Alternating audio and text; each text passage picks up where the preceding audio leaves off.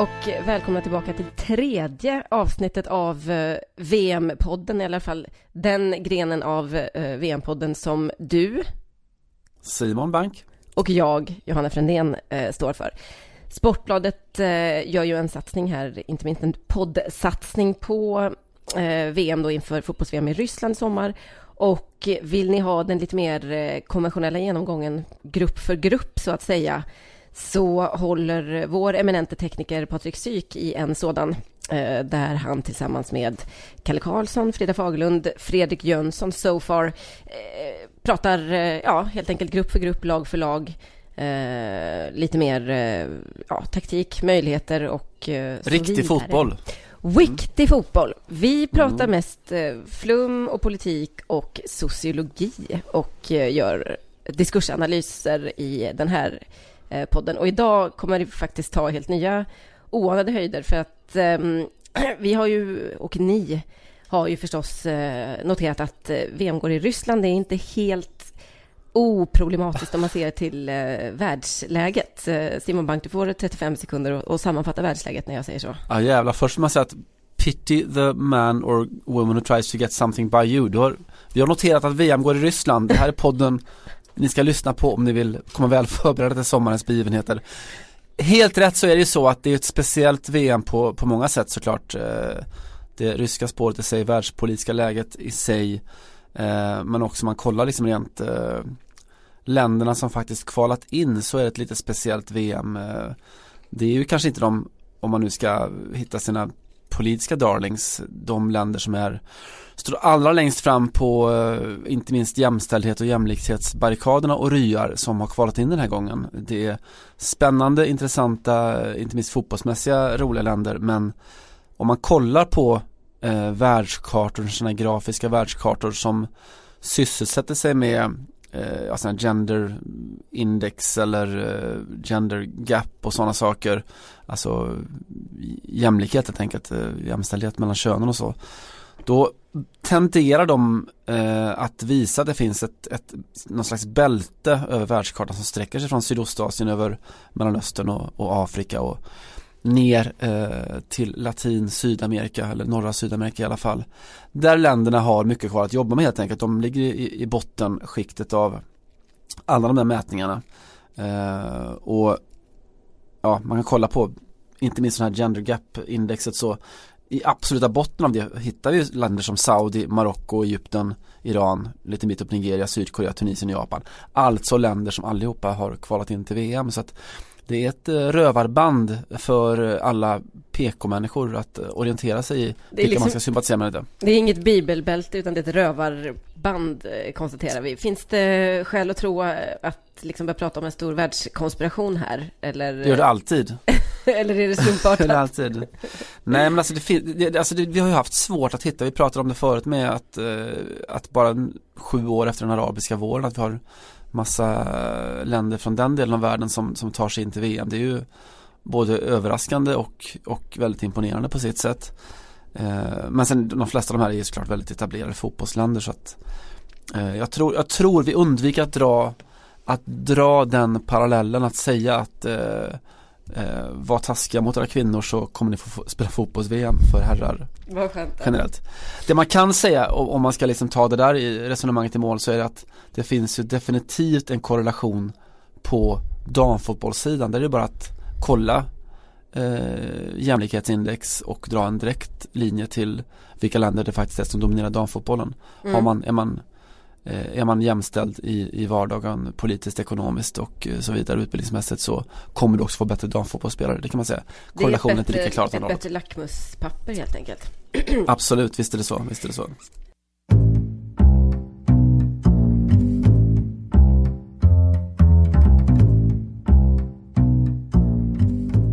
Vi eh, har någon form av underrubrik till det här avsnittet. En tänkt sådan, eh, att det är det stora PK-avsnittet. Eh, mm. Eftersom det kan vara så att det finns flera där ute, eller ni där ute som inte riktigt eh, vet hur ni ska ja, förhålla er till att eh, VM går i Ryssland. Jag har själv lite svårt eh, för hela den grejen, men eh, vi ska försöka reda ut vilka lag man kan hålla på här ur, ja, som någon form av motvikt då till den auktoritära och eh, patriarkala och icke-demokratiska utvecklingen som finns i eh, många länder just nu och eh, framförallt kanske där Ryssland är. På många planeter just nu. Precis. Eh, vi pratade mycket om Ryssland i avsnitt ett, så att eh, vill ni eh, höra mer om det så kan ni gå tillbaka och lyssna på det. Om vi ska, istället för att börja med vilket som är då eh, VMs mest politiskt korrekta liksom superland så kanske vi ska börja andra ändan. Du har varit inne på det. Saudiarabien, Iran. Är det bara liksom eh, rakt igenom eh, bedrövelse i de här länderna eller kan man hitta någonting, något halmstrå att hålla sig fast vid? Vi, har, vi kommer ju ha jättemånga svenskar som, som, som, håller på Iran till exempel eftersom vi har en, en stor diaspora och en, ja, en väldigt stor invandrargrupp just därifrån i Sverige.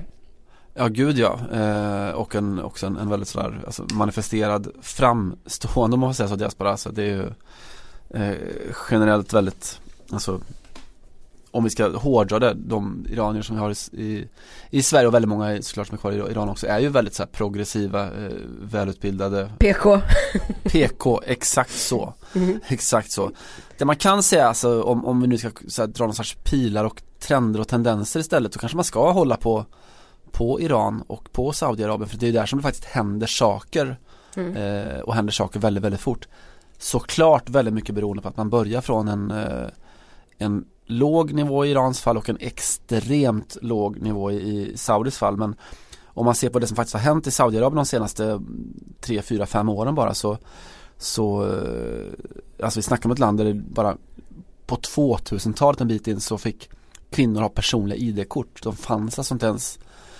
juridiskt som, som personer i princip eh, för, före dess. Mm. Nu har det liksom skenat så att de, de fick rösträtt 2015 kvinnorna eh, det är väl inte liksom längre, eller det hävdas, diskuteras i alla fall bland religiösa ledare om, om man ska låta den här abayan, alltså deras variant av burkan som inte täcker ansiktet fullt ut ens ska vara obligatorisk, eh, eller man ska vara valfri. Alltså när du säger skenat så hör jag ju att du menar eskalerat, det har gått lite för långt i det du försöker säga. Jo, men slagit, har, kan man inte tycka det? Det har slagit över lite åt andra hållet. Feminismen har gått för långt. Ja, I Sverige? Nej, i Saudiarabien. Feminismen har gått lite väl långt på de senaste åren i Saudiarabien. Land, alltså utvecklingen hänger inte, hänger inte riktigt med här. Nej, precis, jag hör jag hör det. Jag, jag vill inflika här att eh, intressant är ju att i flera av de här länderna, eh, i båda de här två framförallt, så har ju faktiskt eh, fotbollen, ska, man ska inte alltid överdriva fotbollens roll i samhällsutvecklingen, mm. men det har varit några symboliska eh, nyheter, bland annat den kanske största som de flesta har eh, hört, som har varit svår att undvika, eller undgå det senaste året, är ju att eh, eh saudiarabiska kvinnor får gå på fotboll iranska mm. Nej, det är helt rätt. Det du, du, du är helt rätt på ja, det. Ja, ja, jag är helt rätt. De, de, de saudiska kvinnorna ska i alla fall få gå på fotboll få. nu. Mm. Eller har till och med varit på fotbollsmatcher Just i Iran. så var det. Och det var ju alldeles nyligen ja. i, i år va? Precis Januari så. Precis så. Mm Iran så finns det väl inget sånt där, alltså egentligen, egentligen inget förbud mer än att det finns det i realiteten att de oftast, de hindras från att komma in helt enkelt. Jag tror inte att det, att det finns ett lagligt förbud. Där har det ju varit mycket, där det liksom gestaltats i filmer och populärkulturen väldigt mycket kvinnors kamp för att få se på fotboll mm. i detta fotbollstokiga land. Och eh, nu under någon sån här Persepolis-match eh, i Teheran alldeles nyligen så gjordes det stor sak av att eh, sminkade kvinnor, alltså de hade sminkat sig som män för att kunna komma in. Eh, men de har fått gå på, på fotboll i och för sig på så separata familjesektioner och så vidare. Mm. Eh, och det här är alltså, det är mycket mer komplext såklart i Iran, alltså ett land som var ju alltså, liberalt i det närmaste för 40 år sedan, alltså före, den, före revolutionen 79. Eh, och där du har liksom väldigt många på andra områden starka kvinnorörelser får man säga liksom inom jag tror att kvinnor är i majoritet på universiteten och Ja just det, nej de är precis, de är ju Det är väl det liksom, då i det, framförallt i de intellektuella skikten så är, mm. så är, har kvinnor ganska, relativt framflyttade positioner med, med, som just beror på det här arvet från eh, det pre-revolutionära arvet eh, helt enkelt.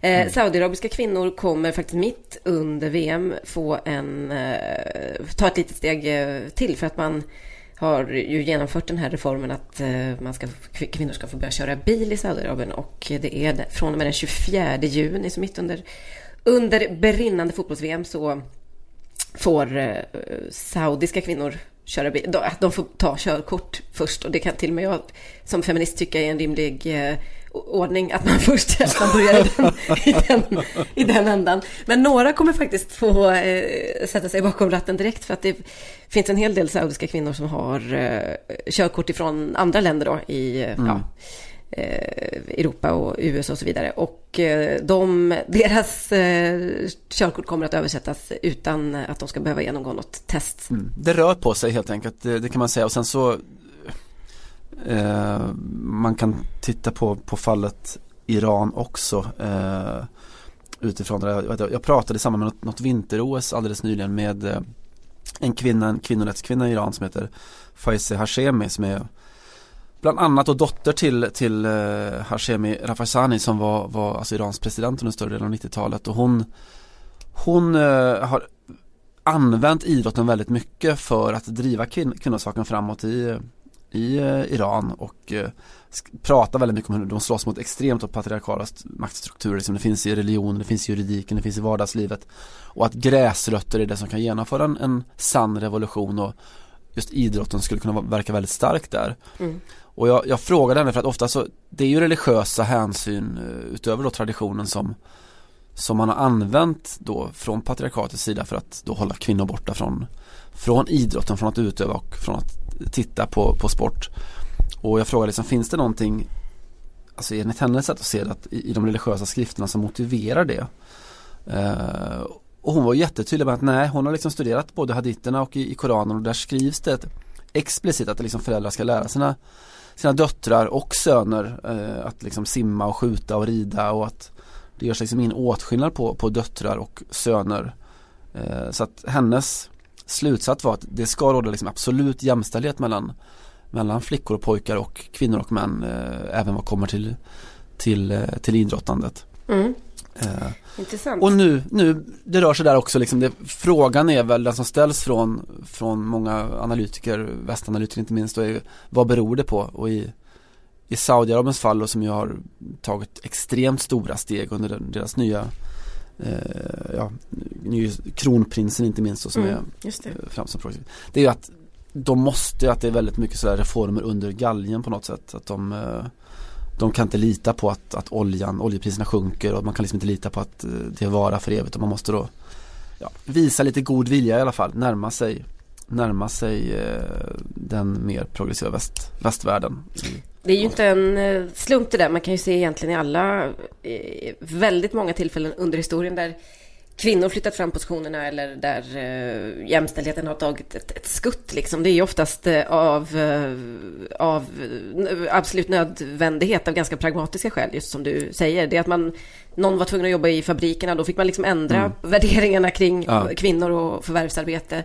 Det, det, här går ju igen i, i ja, till och med sådana här islamska dödssekter som Daesh och IS till exempel, som mm Eh, där man liksom vrider lite på kvinnorollen som från att ha varit någon som bara skulle egentligen vara hemma och föda barn och se till att föda nya soldater så kan de helt plötsligt vara med på fronten och finnas med och få krigsuppgifter. Bara för att det behövs. Alltså det, det finns inte tillräckligt med manligt, eh, vad ska man säga, eh, soldatmaterial helt enkelt. Ja, så, att, ja. eh, så är det oftast eh, genom historien när som sagt kvinnor flyttat fram eh, positionerna. Att det har varit eh, någonting som ett helt samhälle har på ett eller annat sätt eh, vunnit på eller känt sig liksom tvingade till att eh, göra av oftast ganska så praktiska skäl faktiskt.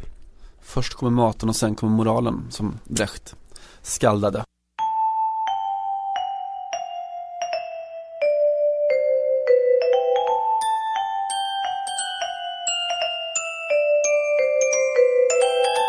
Innan vi går vidare på andra PK-länder, kanske lite mer politiskt korrekta länder, så får vi, vi får stanna en liten stund då i arabvärlden, för att det är faktiskt eh, fem va?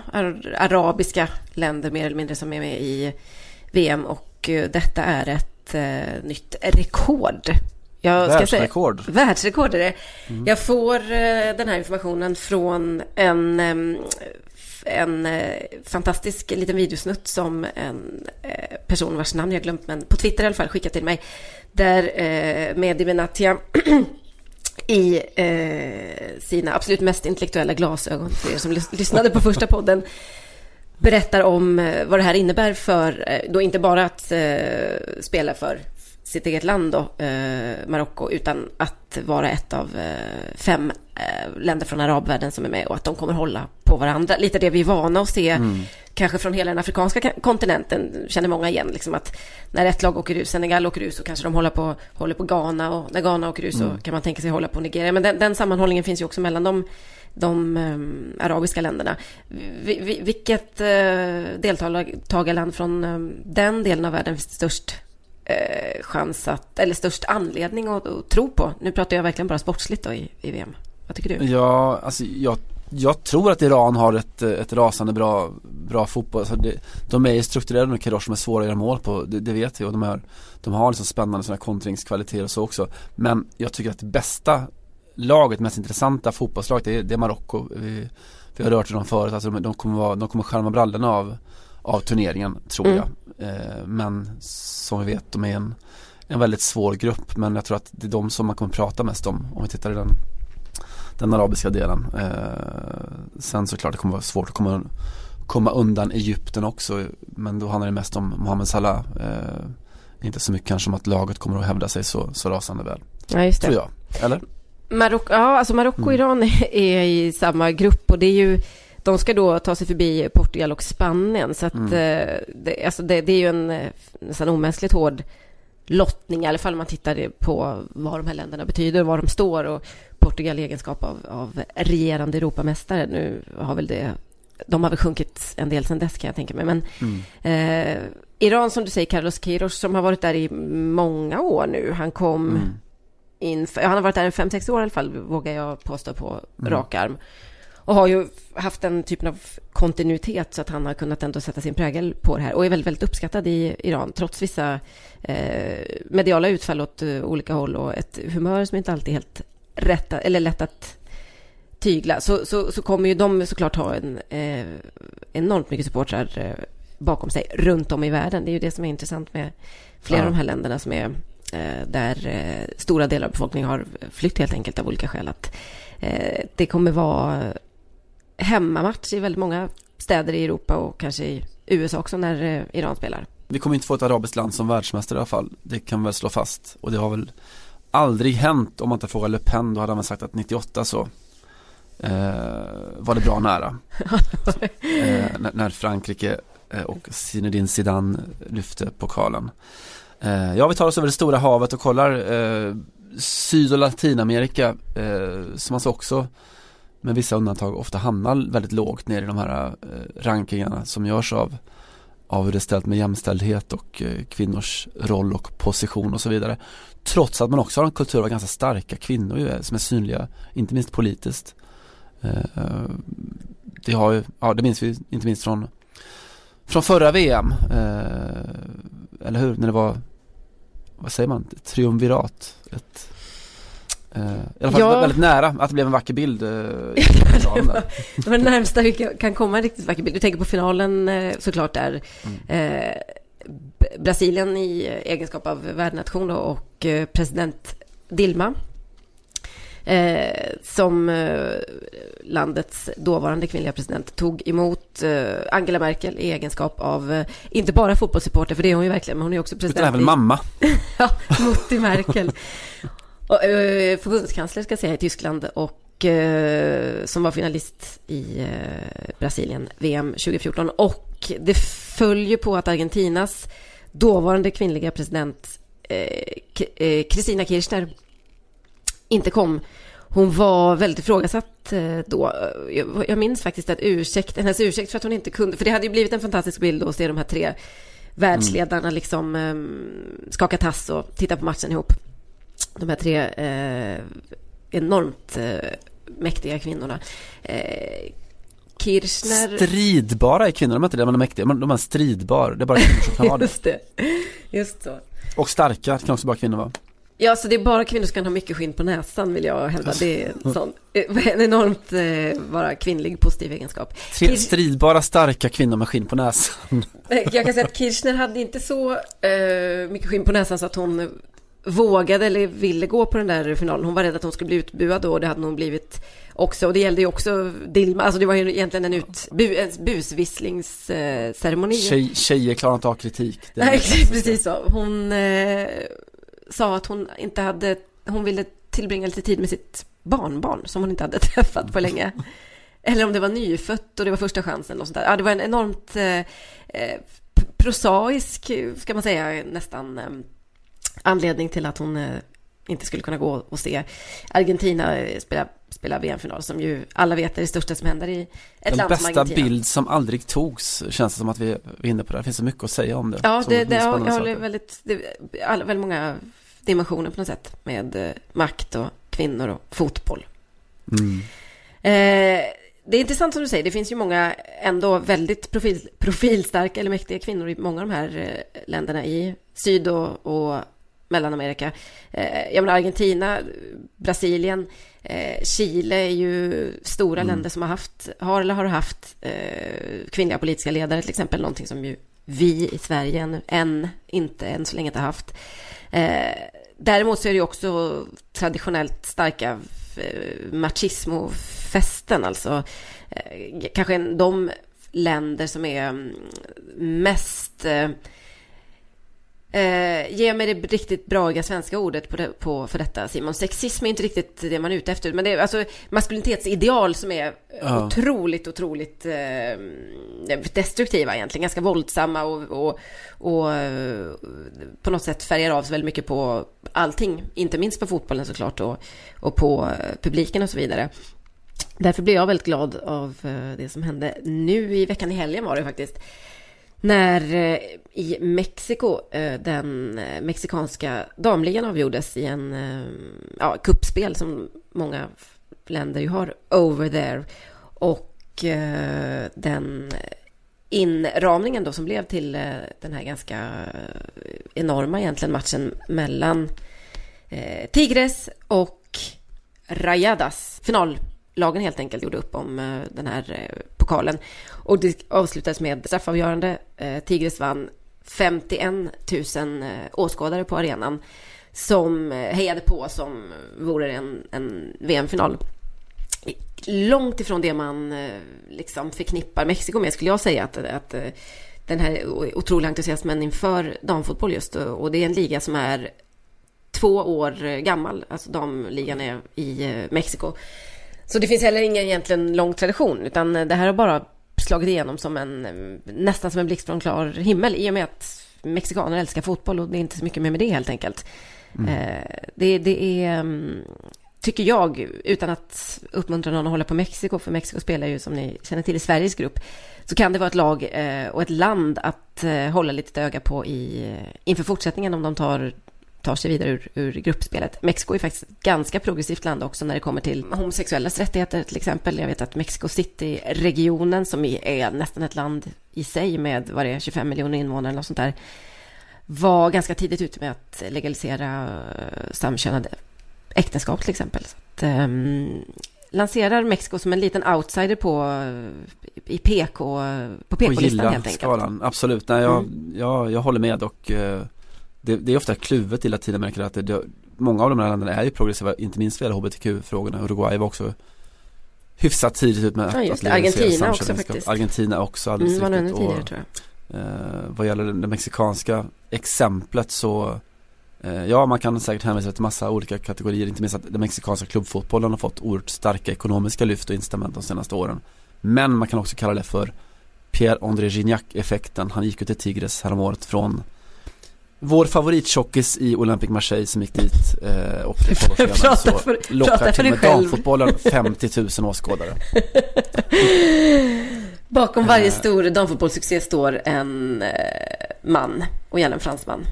Det är där vi landar. Exakt så, det är där vi, vi, vi landar. Eh, men det är intressant, alltså det finns också, alltså man kan tycka vad man vill om du pratar om Machissimon och alla som har haft ett halvt öga på, på Netflix och sett på Narcos eh, har har fått eh, nidbilden eller den starka bilden av hur den machismon ter sig med all sin, all sin våldsamhet och all sitt testosteron. Eh, men det finns också Alltså motkrafterna i det, jag tänker på ett land som, som Colombia till exempel med alla de extrema problem de har haft. Eh, jag vet jag skrev under, under förra VM, då hade de, de kom ganska färskt ifrån att ha bytt förbundskapten då deras förre förbundskapten eh, Hernando Dario Gomez som hade varit ute hemma i Bogotá någon, någon sen kväll där och eh, en kväll som slutade med att han att han misshandlade helt enkelt sin, sin, sin dejt eh, och, och tydligen då enligt vad det sägs efter att han, hon då ska ha ifrågasatt hans ledarskap som förbundskapten. Nej men gud, oh, gud vilken brut... Ja, för det var inte mer att skratta åt det, men vilken, vilken brutalt eh, episk anledning ändå någonstans bakom. Att den, är, den är också, vad sa du förut, prosaisk. Det finns ju mycket i det där. Också känslig för kritik, eh, Dario Gomez. Eh, men då uppstår någon slags problem där att man, man visste liksom om att, att fotboll och våld i Colombia som vi alla känner till liksom med hela deras eh, 94 bakgrund att det, det, det hör ihop, det är intimt länkat på något sätt men för er som är, inte var födda eh, då eller som var föddes precis innan så kastar vi in där att eh, Colombia åkte ur eh, VM 94 på ett, eller, ja, på ett självmål av eh, Andres Escobar, han så? Ja. Just det.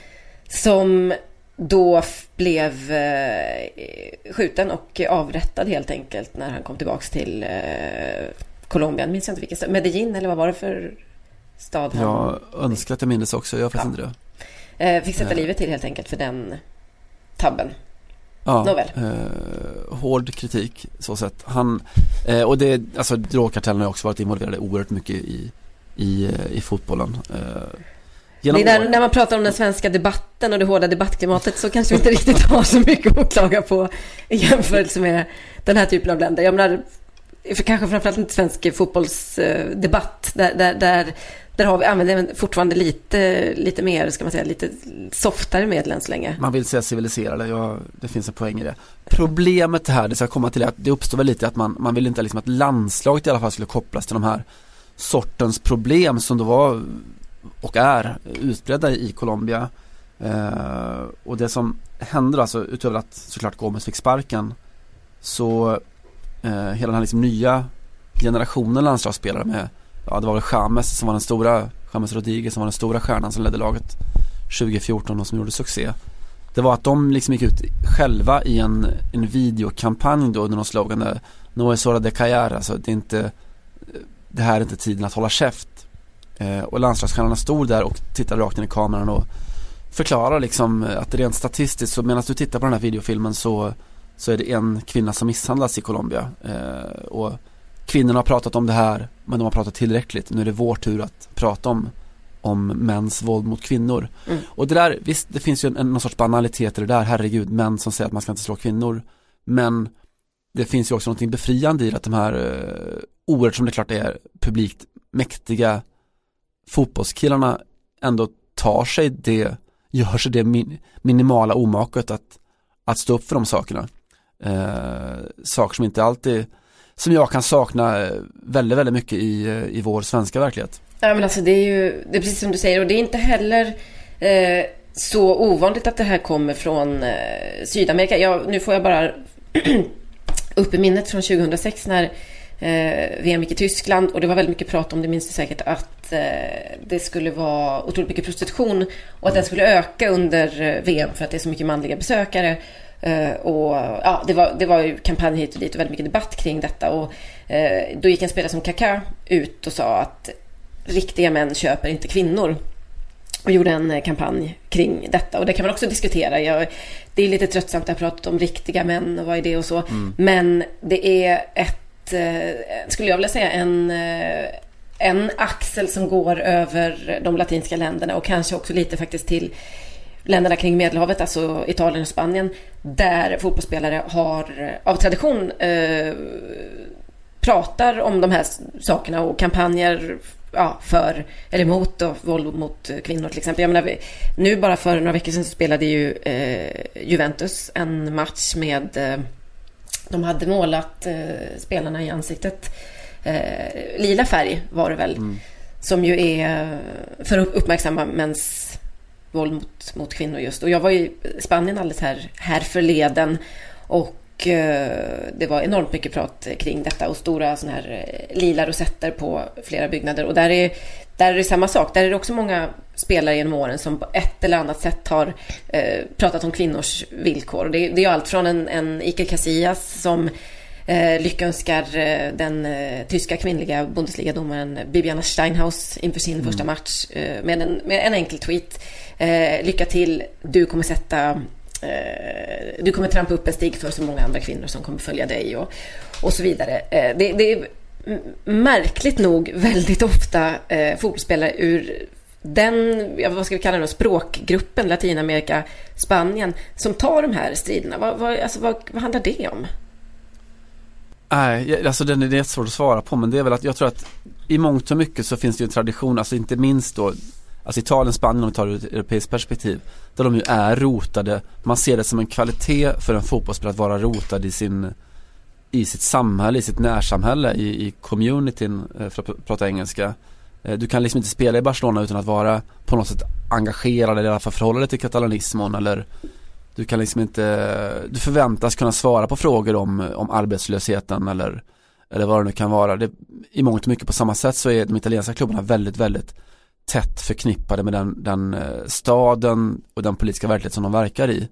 Eh, Medan alltså, om du kollar på liksom den kulturen som vi verkar i snarare med eh, ja, Nordsjökulturen framförallt liksom den som kanske stammar från England nu där, där du ser den optimala verkligheten för en fotbollsspelare är ju att gå till din träning, åka hem, äta duktigt, spela tv-spel eh, och vara tillsammans med din fru.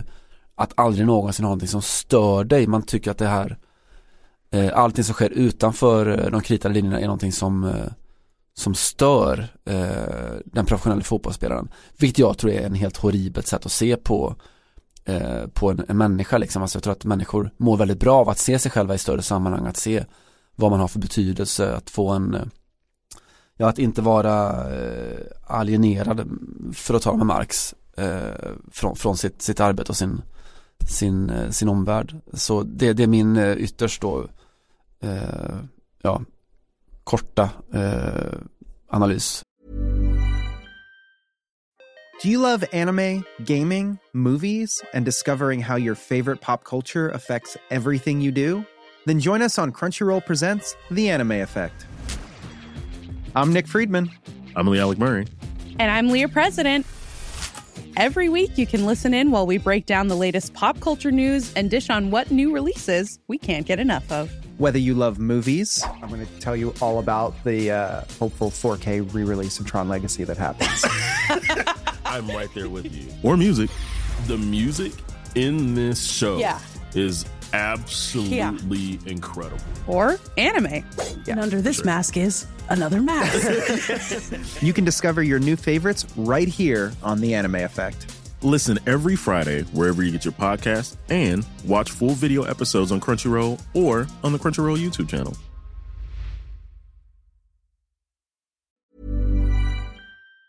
av det.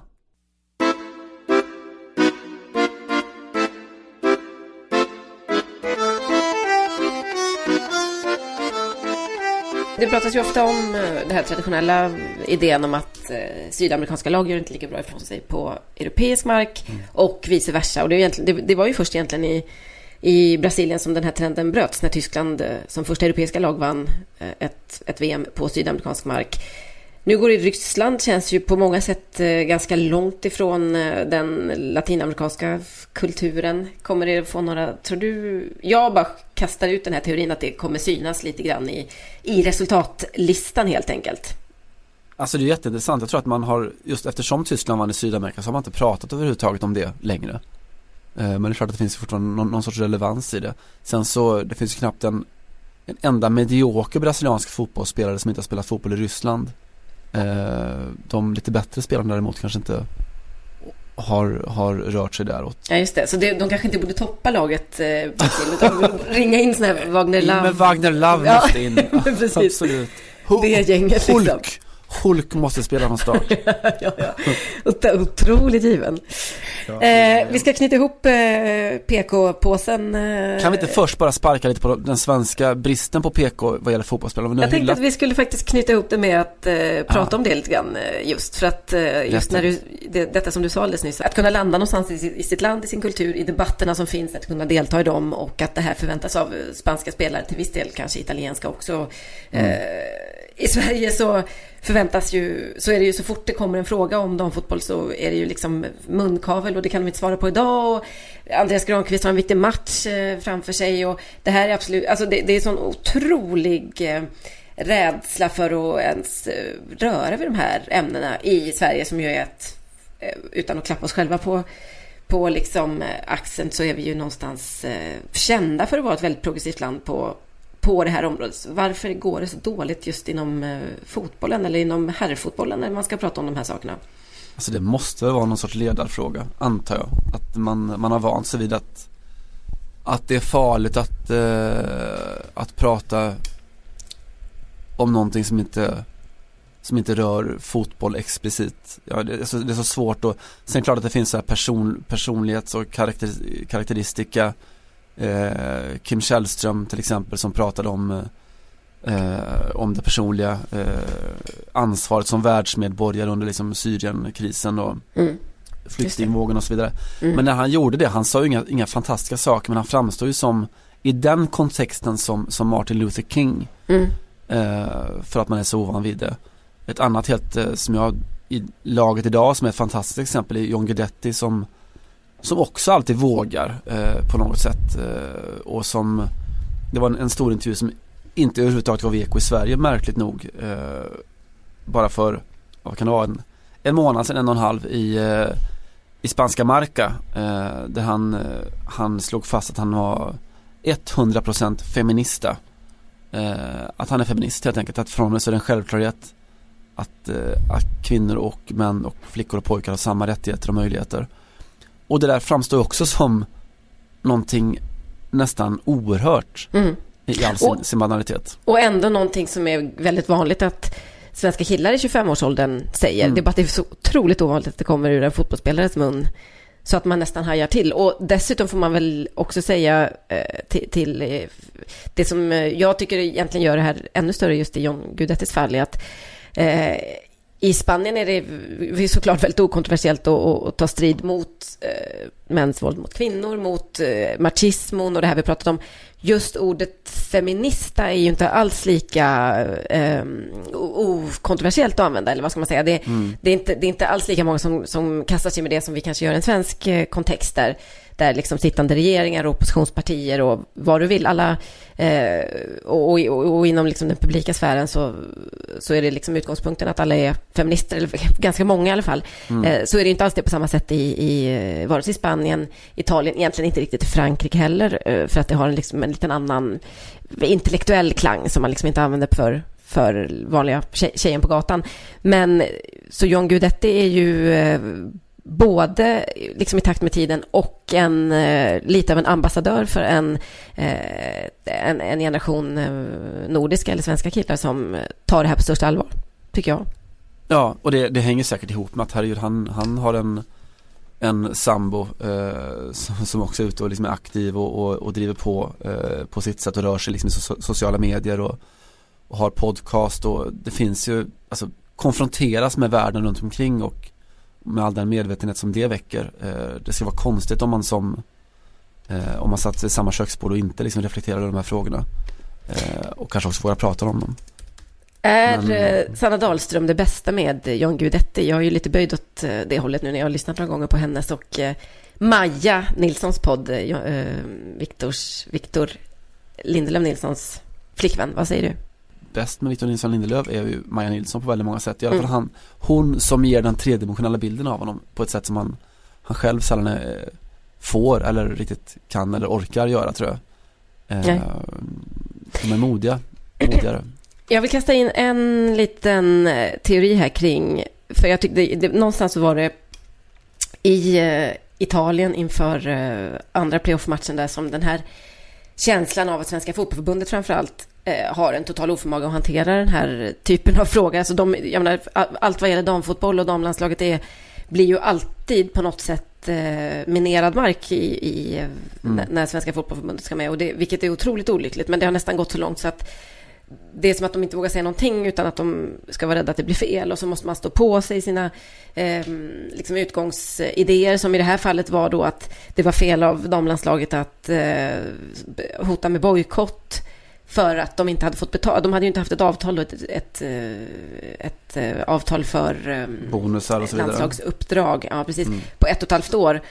Och eh, då var det helt plötsligt, det var fel läge då att efter ett och ett halvt år gå ut och, och liksom säga att så här kan vi inte ha det. Då var det fel för att herrarna skulle spela eh, en kvalmatch mot Italien och det tog fokus från det. Och till och med då när eh, Sverige slog Italien gick till VM så stod generalsekreterare Håkan Sjöstrand där och sa att det här hade ändå påverkat herrarna. Tänk vad jävla lätt de hade slagit Italien om det inte hade varit för det här. Ja, nej, men alltså jag menar, det var... För Caroline Segers förbannade gnäll. Ja, ja, lite så. Det hade ju varit en sån, det hade ju varit liksom 3-0 i första halvlek om inte samtliga i Sveriges elva hade sprungit och tänkt på hur otroligt jobbigt det var att eh, deras eh, damkollegor krävde mer än 250 kronor om dagen då av Svenska, lands- eller Svenska förbundet. Men min tes kring det här är, förutom som du säger att vi har ju sådana som de, eh, Martin, Luther, Kim och så vidare, är ju att eh, faktiskt att Zlatan Ibrahimovic har varit så otroligt dominant eh, i kommunikationen, inte minst eh, av svensk fotboll de senaste åren. Och eftersom hans eh, relation med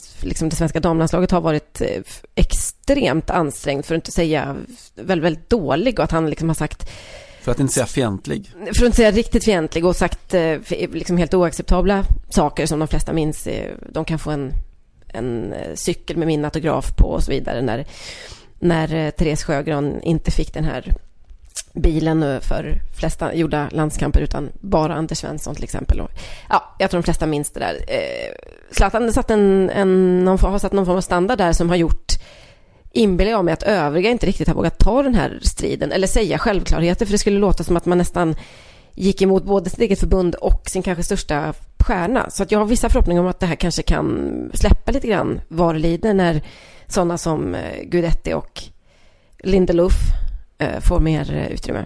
Ja, och sen så, alltså i grunden, de har ju haft varje gång som det dykt upp någon sorts problemställning som har tangerat Eh, de här sakerna som det är Alexander Gern som, som blivit fälld för misshandel av, av sin sambo eller om det är eh, Mikael Albornoz-fallet eh, som handlar om, om sex med en, en, en underårig flicka nere i Malmö. Eller vad den är så då, då, då är det precis som du säger att de får problem, de får jättestora problem, de blir nervösa, osäkra. Och det blir man ju om man inte har liksom en färdig hållning, om man inte vet, om man inte har tänkt igenom eh, att du har liksom en politisk, ideologisk, tydlig eh, intellektuell hållning till frågor för då, då blir att alla de här frågorna ganska enkla i grunden. Mm. Eller om det är att man ska möta Iran eller vad, vad det nu än är. De har aldrig någonsin tänkt igenom frågor, de konfronteras inte med problemet, det är inte en del av deras verklighet. Och därför var det befriande att det lyftes upp just i samband med playoff-matchen mot Italien. Mm. Att de inte kunde, inte tilläts att ducka för de här frågorna. Och vi kan snacka om de här liksom unga, häftiga då som man har stor förhoppning kring. Yngre spelarna, nya generationer och så vidare. Men om man tittar, du pratar om, om Spanien och Ital- Italien och deras fotbollsspelare tidigare. Jag kan lyfta de engelska spelarna också. Och man ser när deras damlandslag, om det är engelska eller spanska eller italienska laget som spelar stora matcher, framförallt Spanien och England ska jag säga, eh, då kommer det jätteofta liksom kommentarer från de manliga stjärnorna att fan lycka till ikväll, stor seger, sitter hemma och jublar framför tvn. Go you lionesses och så vidare som eh, om det var Lingard eller vem det var som skrev eh, Allt sånt där, Mm. allt sånt där. Eh, Norge samma sak liksom. Eh, var ju någon här stridsrop från, från unge herr Dählie eh, som stjärna på herrsidan om, om, om hur, hur spelarna på, kvinn, på damsidan hade liksom alla precis samma rättigheter och hur han hade upplevt att de, att de många höll dem tillbaka och så vidare. I, det här, I den här diskussionen får man inte glömma eh, Francesco Totti heller. Eh, förutom att han alltid förtjänat förtjänar ett omnämnande så var han ju faktiskt ute väldigt snabbt och tog avstånd för eh, ett par år sedan bara. När det var väl det italienska amatörfotbollsförbundets eh, eh, då, dåvarande chef som fick sparken sen.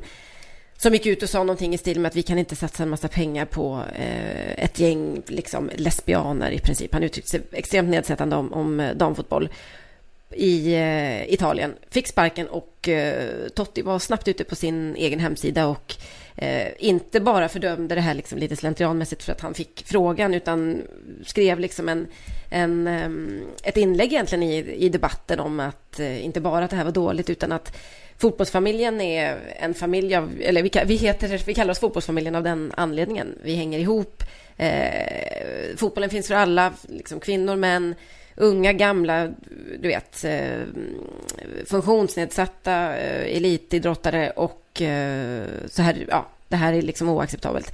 Och det, jag menar, den, den, jag har otroligt svårt att se vem i svensk landslagsfotboll som skulle skriva den typen på eget bevåg. Det är väl en sak att de får frågan och kan mm. svara på den, men verkligen gå ut och känna att den här debatten vill jag ta, för det är så viktigt för mig. Ja, det, det är nästan Alltså Sverige, svenska herrfotbollsspelare befinner sig ju någonstans, med vissa undantag då, eh, John Guidetti kanske är mest lysande, mycket, mycket mer på eh, Irans eller Saudiarabiens nivå, om man, om man ser till förutsättningarna i landet mm. Sverige, där vi inte har några problem att prata om sådana här saker egentligen. Nej, det vore verkligen inte kontroversiellt och därför är den här, den här tystnaden är ju helt öronbedövande just att, eh, ja den här mest banala saken att faktiskt önska sina kollegor lycka till, att mm. ta sina tio sekunder på de sociala medierna man hänger mest hela, hela, hela tiden att det säga, som inte kostar jag, så, jag såg er, nej jag såg er faktiskt när ni spelade ja. Det var bra, det var kul, det var, det var synd, det var trist, eller vad det nu kan vara mm. eh, och om man ser det omvända så Alltså det händer ju hela tiden att, att spelarna på, på damsidan uppmuntrar, skickar hälsningar och, och i alla fall visar att man ser herrarnas matcher. Mm. Så det är, det är trist eh, och det är visst upp till var och en, självklart är det det men men ibland finns det faktiskt en tendens och en trend och ibland är, den, är det ganska skamligt och sorgligt att se på. Så vi håller inte på Sverige-VM, det är det vi säger. Nej, det kan vi inte göra. Och det är inte i alla fall i, i ur det här perspektivet. Å andra sidan har de ju goda möjligheter under en två veckors upp, upp eh, vad säger man, upp... Eh, Uppladdning. Upp. Ja, tack så mycket. Ja. Att eh, ta micken och göra ett utspel eller eh, säga någonting om eh, läget i alla fall. Med vetskapen då att många av kollegorna i VM från eh, Colombia till Spanien till vart du vill har, har åsikter i den här frågan och tycker att det är viktigt att uppmärksamma både damfotboll, mäns våld mot kvinnor och allmänna machoattityder egentligen. Se det som en uppmaning från PK-podden. Ja, exakt så. Bollen är din. Mm. Albin Ekdal. Just det, i Brommapojkarna som det heter fortfarande. Just så.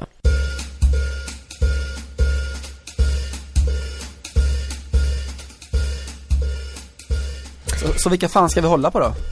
Eh, ja, men jag säger väl som isolerad fotbollsnation då, om man inte ser till hur resten av landet ser ut, för där är det ganska förskräckligt just nu. Men Spanien tycker jag eh, är eh, bra med i den här diskussionen. Nu är vissa av dem som har tagit eh, utrymme eller tagit eh, de här frågorna på allvar är lite kanske på väg ut. De är inte längre kvar i landslaget, eller de är i alla fall inte givna kanske i en eh, startelva som Iker Casillas och Cesc Fabregas som faktiskt har ofta eh, har twittrat om eh, damfotboll. Och, han är filen då, visst är han det? Ja, pratat om liksom för två eller tre OS eh, turneringar sedan om att eh, kvaliteten på dammatcherna är, är, har precis samma mm, potential, samma eh, ja, som eh, herrarnas helt enkelt och att han inte såg någon någon anledning till att, inte, att man inte skulle kunna liksom, jämföra dam och herr, herrfotboll utifrån det perspektivet och så vidare. Eh, Juan Mata får vi inte glömma. Den, eh, the, liksom,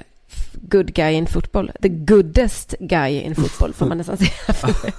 jag går inte säga the best guy, utan the goodest guy in football som eh, ju har startat det här, eller det här initiativet Common Goal, där man eh, som fotbollsspelare då ska avsätta en, en procent av sin inkomst till, eh, ja, vi, kan, vi kallar det välgörande ändamål. Han har haft lite svårt att få riktigt stora namn på båten därför att eh, rika herrfotbollsspelare håller gärna sina pengar, men eh, några har jobbat på och eh, flera av dem damspelare har eh, gett sig in i det här projektet. Så att Spanien, där har vi eh, några riktiga stridbara män, kan man säga så? Eller?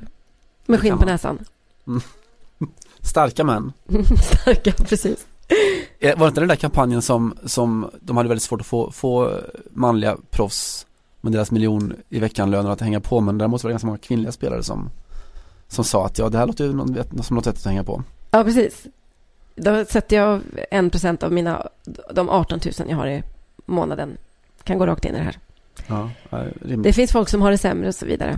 Vilka Mm. ska du hålla på i PK-perspektiv då i VM? Ja, eh, alltså fotbollsmässigt så höll ju hela, hela världen på Island i EM senast och jag ser väl inga större skäl att ändra på det om man tittar på vad Island haft för sig sedan dess. Alltså de, de har ju så oerhört länge burit PK-fanan väldigt, väldigt högt i, i världspolitiken. Vi, eh, vi som är födda 75 minns Vigdis Finnbogadottir som var världens första kvinnliga president. Ah, jag eh, de satte på 80-talet.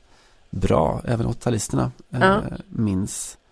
Eh, och det har ju hänt saker, alltså sen de skenade ut i, i, eh, i ishavet med, med hela sin regering, nya skandaler. Först var det den ekonomiska kraschen såklart, eh, där Island var någon form av katalysator.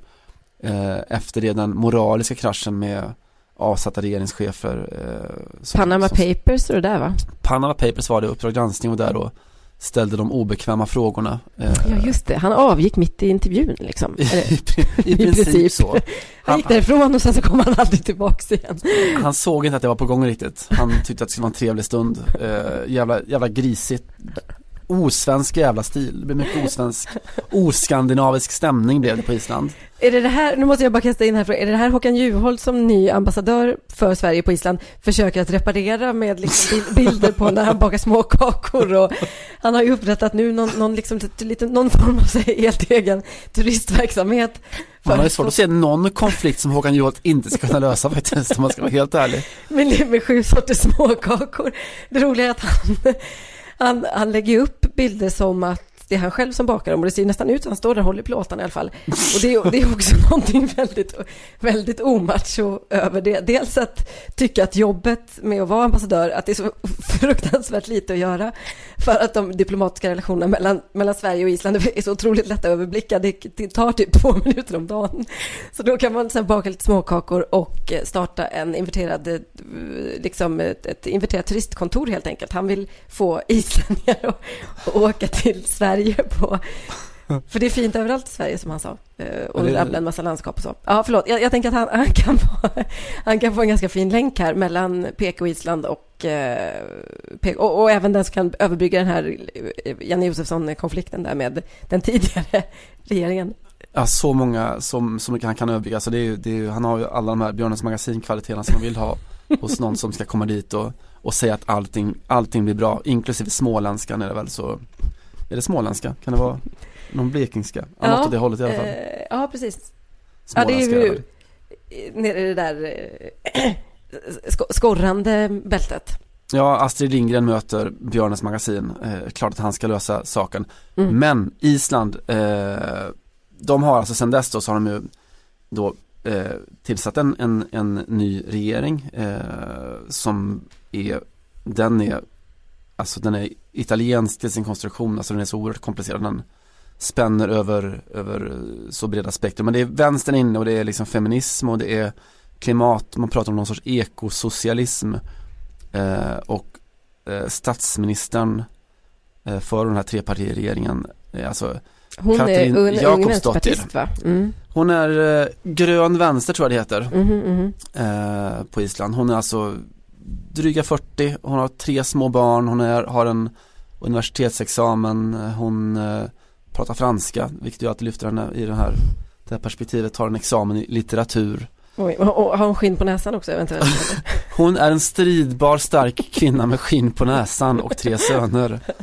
Eh, har dessutom liksom förekommit, ni kan, kan göra en, en, eh, en snabb googling så hittar ni att hon har förekommit i, i popvideor, eh, isländska popvideor som, som Men ung. nu vill jag bara kasta in, det där handlar väl mer om att Island är ett så otroligt litet land så att alla måste ju förekomma i minst tre olika, liksom, vad ska man säga, publika eh, evenemang Ja, under sin popkonstellation och ett landslag. Alla har spelat någon sorts landslagsidrott och alla har varit Ja, det är väl klart. Alltså, är du, är du liksom, eh, har du vunnit isländska mästerskapen i pingis, är du också förmodligen kommunalråd någonstans. Ja, ja, och är du inte det så är du liksom, mm, ja, det är den, om du inte har spelat i något landslag eller släppt någon hitsingel så är du ju, jag vet inte, vad, alltså en svensk motsvarighet skulle vara typ att du är crackmissbrukare eller någonting. Det är Ja, just det. oerhört oerhört, oerhört suspekt.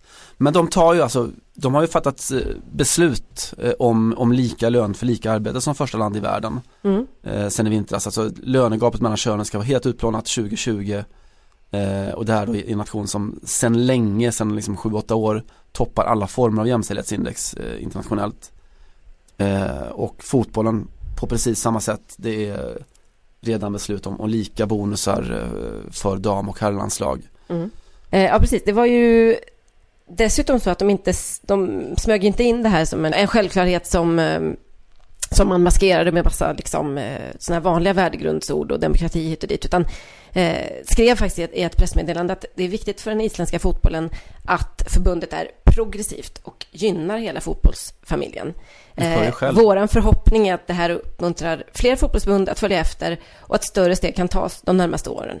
Så att det är ju, man är dessutom inte rädd för att ta i lite grann här och tala om att eh, man vet att man ligger i framkant och hoppas på att det här ska liksom väcka andra länder och sätter ju därmed press på länder som Sverige såklart, vilket ju Man kan vara... inte utesluta att, att, att Håkan Juholt tar med sig det här hem till, eh, till Karl-Erik Nilsson.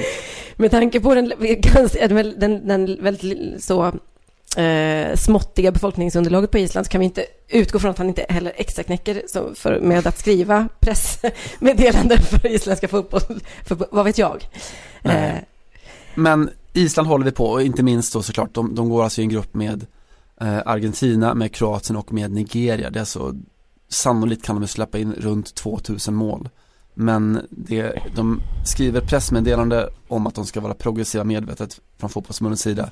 De fattar eh, beslut på regeringsnivå om lika lön för lika arbete.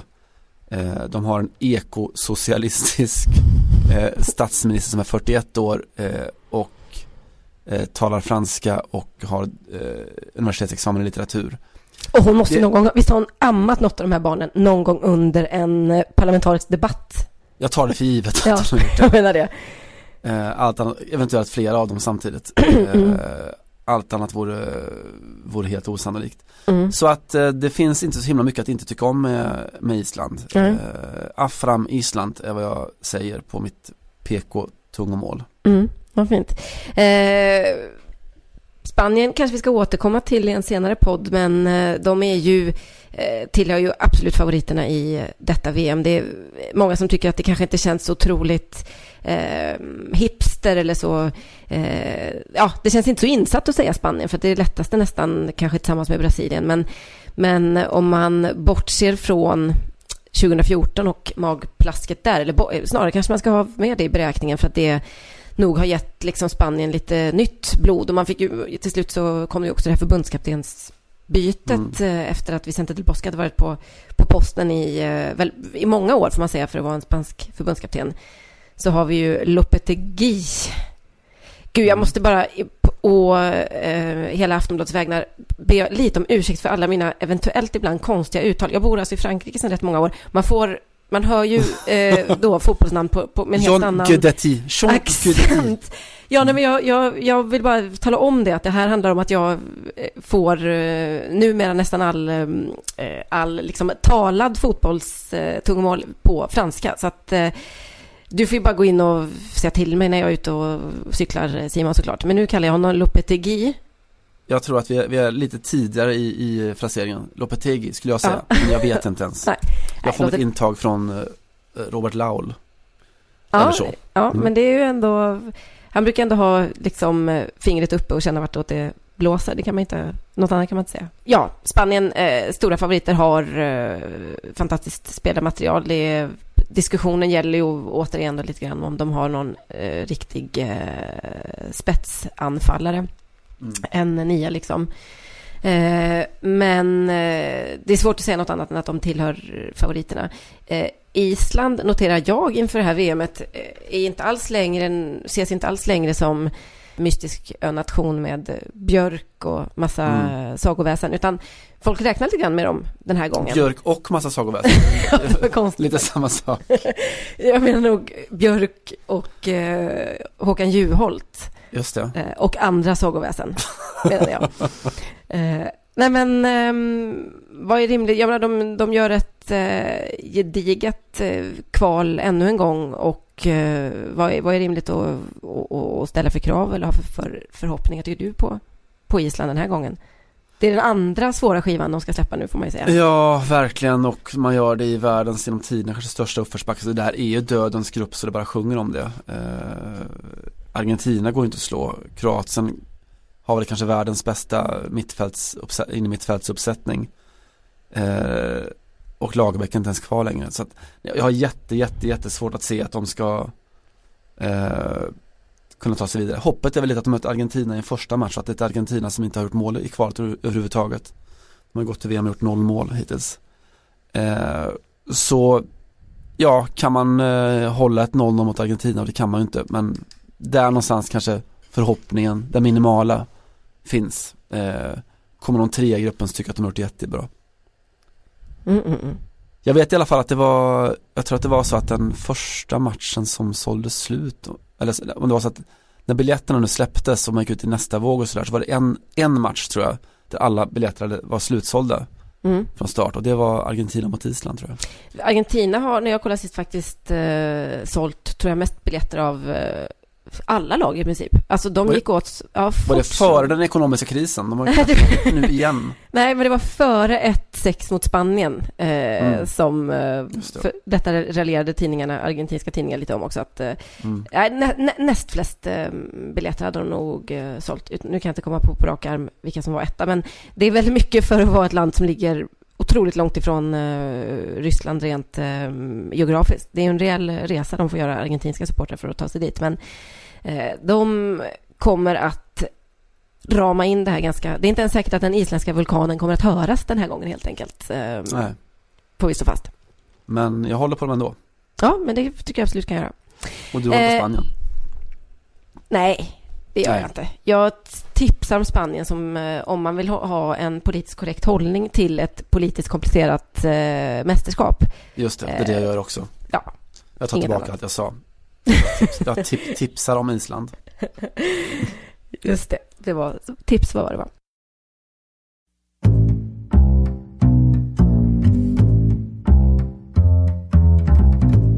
Simon, innan vi uh, går in på uh, det som är hela poängen med den här podden, nämligen att uh, ge några kulturtips, så tänkte jag uh, bara kasta ut frågan, för vad blir VMs snackis den här gången? Och då pratar jag alltså, kanske inte om en enskild företeelse, men någon, någon form av fenomen som vi kommer att diskutera match efter match eller eh, omgång efter omgång. Vad, alltså nu, nu Vuvuzela, eh, mm. frisparkssprayet, finns det något sånt? Mm.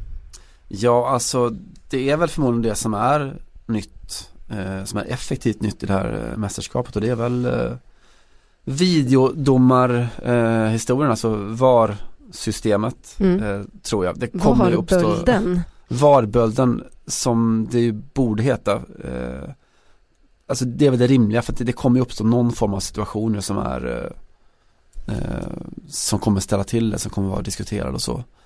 Eh, och den har ju varit utskälld, alltså i alla, alla ligor man infört VAR-systemet så har det funnits kontroverser, det har varit tveksamheter i, i Tyskland och ja, kanske mest Tyskland eh, och, och sådär i, mm. Eh, så ja, jag tror att det kommer uppstå sådana situationer igen och jag tror att det är eh, det är, jag är ju en extremt stark motståndare till VAR och till videotekniken kring allting som inte gäller absoluter, det vill säga Eh, är bollen inne eller ute?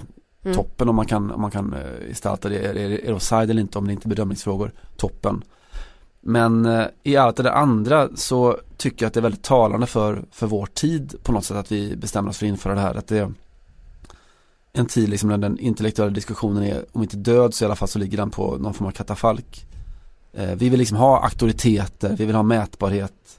Det är liksom, det är kundundersökningar, det är lärare som måste redovisa eh, hur mycket sekunder de, de ger till varje elev. Det är liksom konstant effektivitet, maskineri och en, ett sökande efter den absoluta auktoriteten oavsett om det är politiskt eller intellektuellt.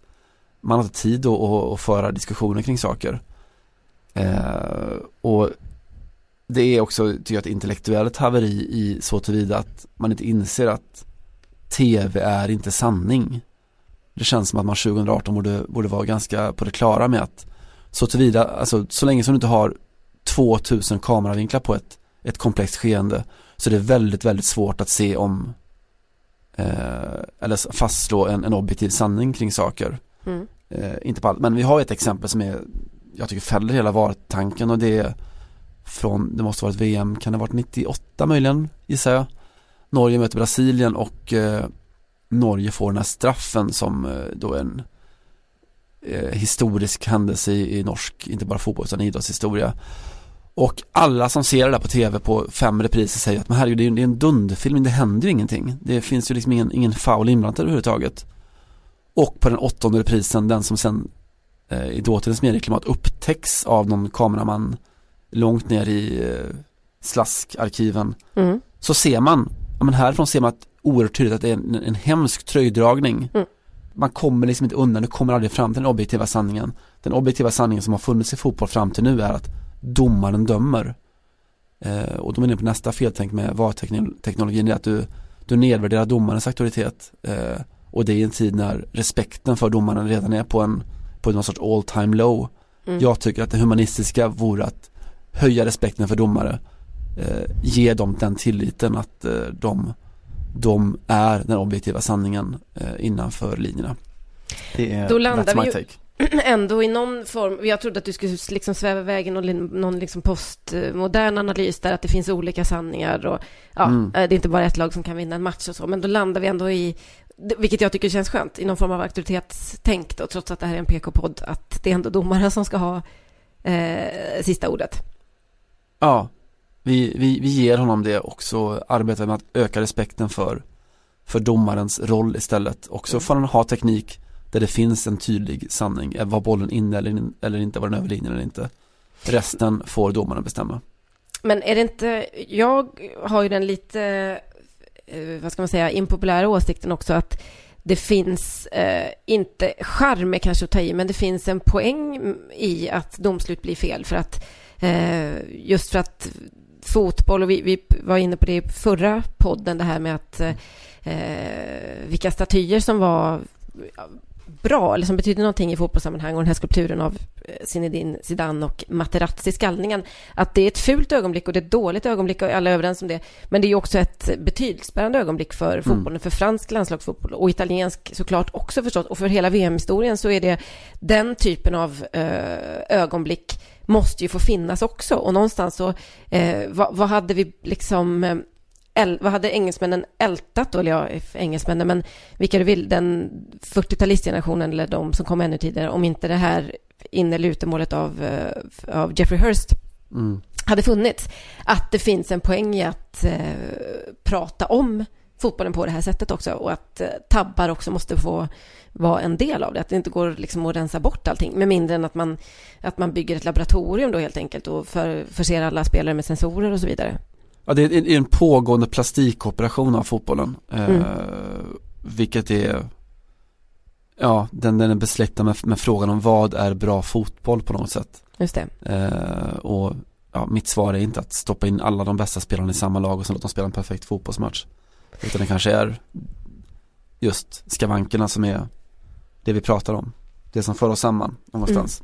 Mm. Eh, så bort med VAR. Bort med VAR. Mm. Vad är bra fotboll säger du? Jag hoppar till vår lilla kulturhörna och eh, tar det vidare. Vad är bra fotbollslitteratur? För en gångs skull så tänkte jag tipsa om eh, något sådant. Eh, vi, det är ju ett, det är en PK-podd detta. Vi har redan pratat om Afrika i första avsnittet.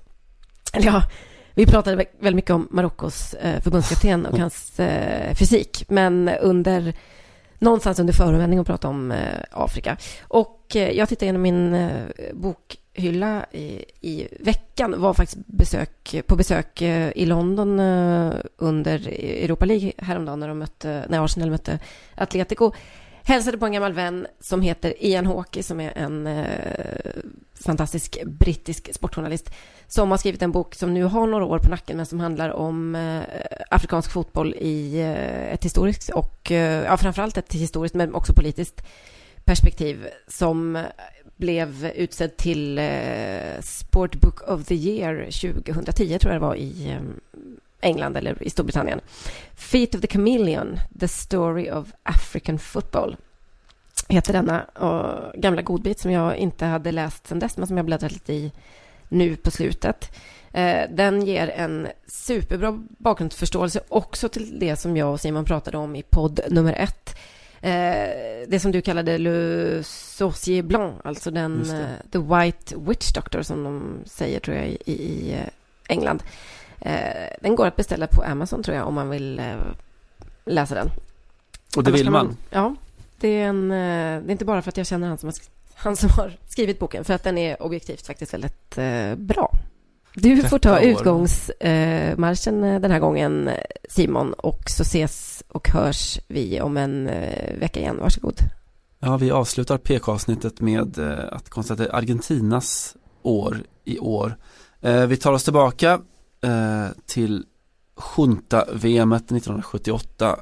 Eh, ni minns finalen i Buenos Aires, ni minns konfettin, ni minns Holland och ni minns säkert Mario Kempes och ni minns kanske inte, om ni nu inte är argentinare eller, eller sydamerikaner, eh, Mercedes Sosa, eh, en alldeles fantastisk sångerska i den här eh, Nueva Canson traditionen, alltså någon form av sån här, eh, deras form av visprogg skulle man kunna säga. Eh, och jag kommer spela en sång om henne, eh, men först vill jag berätta att hon var alltså en av de här starkaste rösterna mot, mot regimen, mot junta, militärregimen. Eh, arresterades själv 1979. Det som hon sjunger här är en sång av, eh, som är skriven av Leon Checo som heter Solo de Pido Adios. Eh, jag ber bara Gud om en sak, det handlar om att man ber om styrka, om, om värdighet eh, under regimen. Och innan jag spelar den så vill jag att ni tänker er tillbaka till 78, till fotbollsmatcherna, till finalen i Buenos Aires. Och om ni tittar riktigt noga så ser ni att målstolparna allra längst ner i det VMet är målade i svart, en svart cirkel runt stolpen.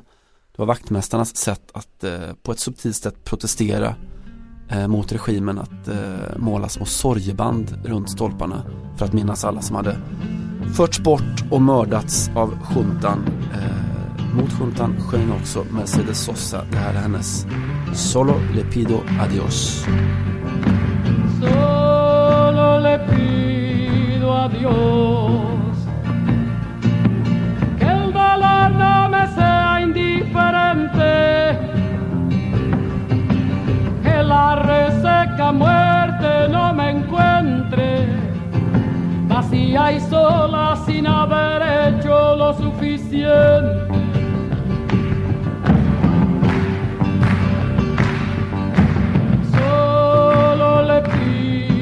Dios. Que lo injusto no me sea indiferente, que no me abofete la otra mejilla, después que una garra me arañó esta suerte.